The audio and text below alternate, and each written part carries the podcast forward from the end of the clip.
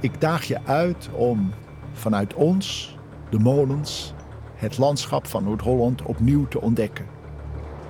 Ik vertel je verhalen over het verleden, over hoe mensen zich organiseren, hoe ze succes hebben, verlies lijden, over hoe het landschap verandert. Je ontmoet de molenaars die ons in stand houden en je ontmoet mensen die vandaag de dag aan het landschap werken en nadenken over de toekomst. Welkom bij het geheimgenootschap van fluisterende molens. Hallo, ik ben Roos Slikker. In het dagelijks leven ben ik uh, columnist, schrijver, klein beetje televisiemaker. Maar een van mijn grote hobby's is fietsen in Noord-Holland. En soms vraag ik me af, bestaat dit prachtige landschap straks nog voor mijn kinderen en mijn kleinkinderen? En nou heb ik een brief gekregen van het Genootschap van Fluisterende Molens. Waarin mij wordt gevraagd om heden, verleden en toekomst van het Noord-Hollandse landschap te ontdekken.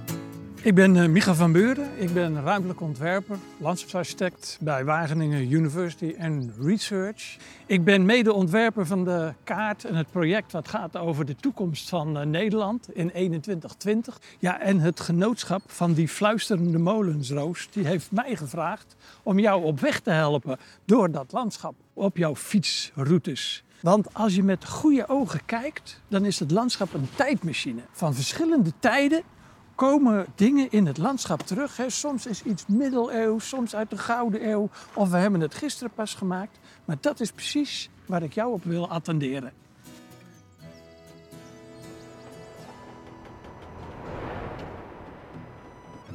De Haarlemmermeer, daar zijn we nu aangeland, Roos. Uh, ook een van die droogmakerijen waar wij als Nederland zo beroemd om zijn. Deze is niet uit, laten zeggen, de, de Gouden Eeuw. Nee, deze is veel recenter, uit de 19e eeuw. De eerste polder of droogmakerij die met stoomkracht is uh, drooggemalen. Van een mooie 19e eeuwse droogmakerij is het nu een soort ja, stedelijke uitbreidingswijk met een enorm vliegveld geworden. En tegelijkertijd, wat we hier zien, de, de Haarlemmermeer is natuurlijk ook een soort van heel laag gelegen gebied, een soort gat in het hele watersysteem.